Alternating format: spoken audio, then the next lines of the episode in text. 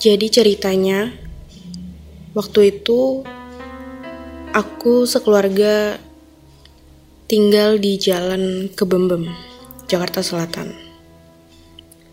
Waktu itu aku sekitar umur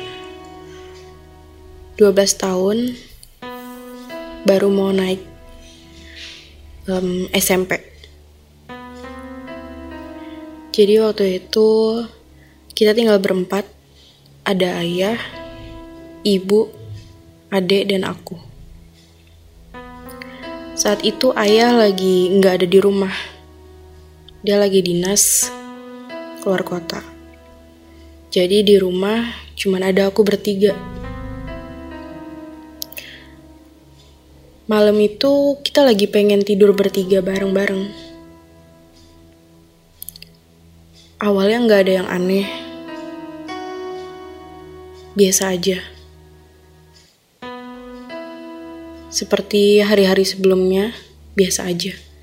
Kita nggak pernah ngerasain aneh-aneh di rumah itu. Sampai pada waktunya malam itu tiba. Saat aku tidur bertiga, aku ngeliat sesosok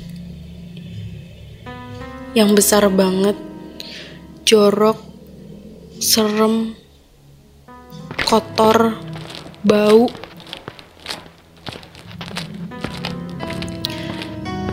Jadi aku gambarin dulu. Biar kalian tuh bisa um, ngebayangin posisi aku tidur, posisi rumah aku gimana. Jadi kalau pertama kali masuk rumah itu ada ruang tamu tanpa pintu, jadi hanya kayak berupa skat-skat aja. Rumah terus kam, uh, masuk ada ruang tamu tanpa pintu masuk lagi itu udah kamar ruang tengah dijadiin kamar. Terus baru ke belakang diskat lagi tanpa pintu itu dapur dan kamar mandi. Nah aku sama ade dan ibu tidurnya di tengah aku tidur di pojok ade aku di tengah dan ibu di pinggir pas aku tidur aku kebangun karena pengen pipis. Aku emang gak bisa kalau tidur gak di pojok. Aku madep tembok. Pas aku kebelet pengen pipis, aku kebangun, aku ngeliat jam, itu jam 2 malam. Pas aku mau uh, mau berdiri ke arah kamar mandi, di situ ada yang berdiri. Dia besar banget sampai mentok ke plafon terus hitam, kotor, bener-bener bau. Dan dia posisinya ngeliatin kita bertiga lagi tidur. Aku kaget, gak jadi pipis. Bener-bener aku tidur lagi dan langsung madep lagi ke tembok. Aku gak bisa ngebangunin ibu, gak bisa ngebangunin adek karena bener-bener ketakutan. Bener-bener ketakutan dan akhirnya aku paksain tidur sampai pagi. Literally ini aku lagi cerita tapi di sini bau kemenyan. Kayaknya ada yang mau dengerin ceritaku juga nih. Sampai akhirnya udah pagi, terus aku dibangunin sama nyokap. Kak, bangun kak. Kak, bangun. Aku kaget dong. Biasanya nyokap bangunin tuh gak kayak gitu. Aku nanya, kenapa bu? Kamu malam-malam keluar rumah? Enggak, emang kenapa? Ini, ada jejak kaki. Pas aku lihat, itu bener-bener jejak kaki kayak abis main di tanah. Tanah liat gitu, tanah merah dan itu dari pintu depan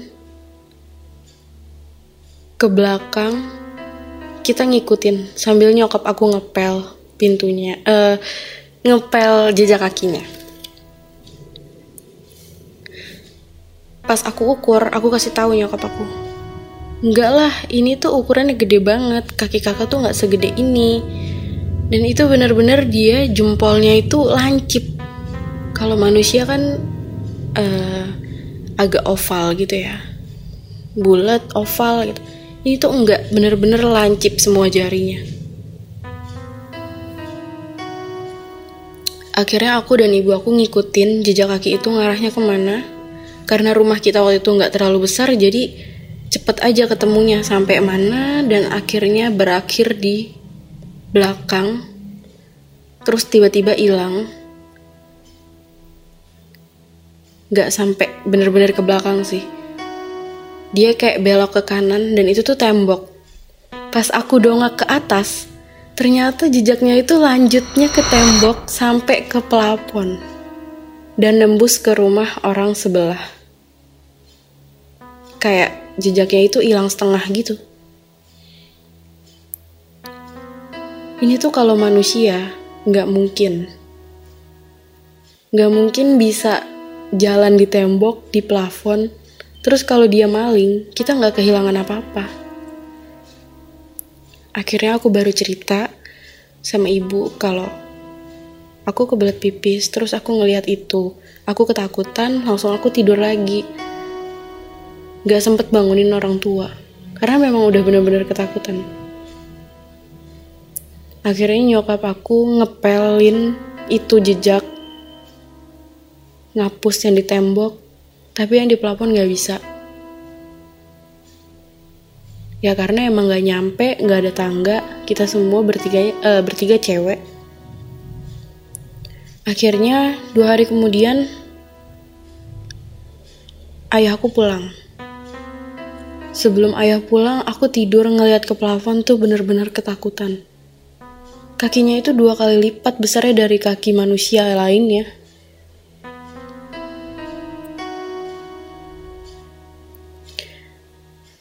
Pas ayah pulang, aku langsung nyuruh dia lihat kalau ada jejak kaki di plafon. Waktu itu ibu nggak langsung telepon ayah pas ayah jauh di luar kota, karena waktu itu komunikasi masih terbatas juga. Jadi pas ayah pulang, aku langsung nunjukin dan ternyata jejaknya hilang.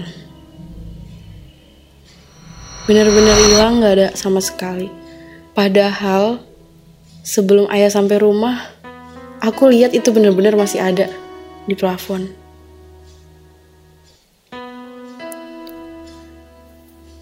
Yang jelas aku ngeliat dia besar banget, hitam, jorok, banyak kotoran di tubuhnya, dan itu bau banget.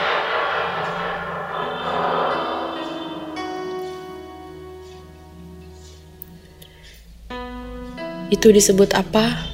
Aku nggak tahu. Tapi biasanya orang-orang sebut dia genderuwo.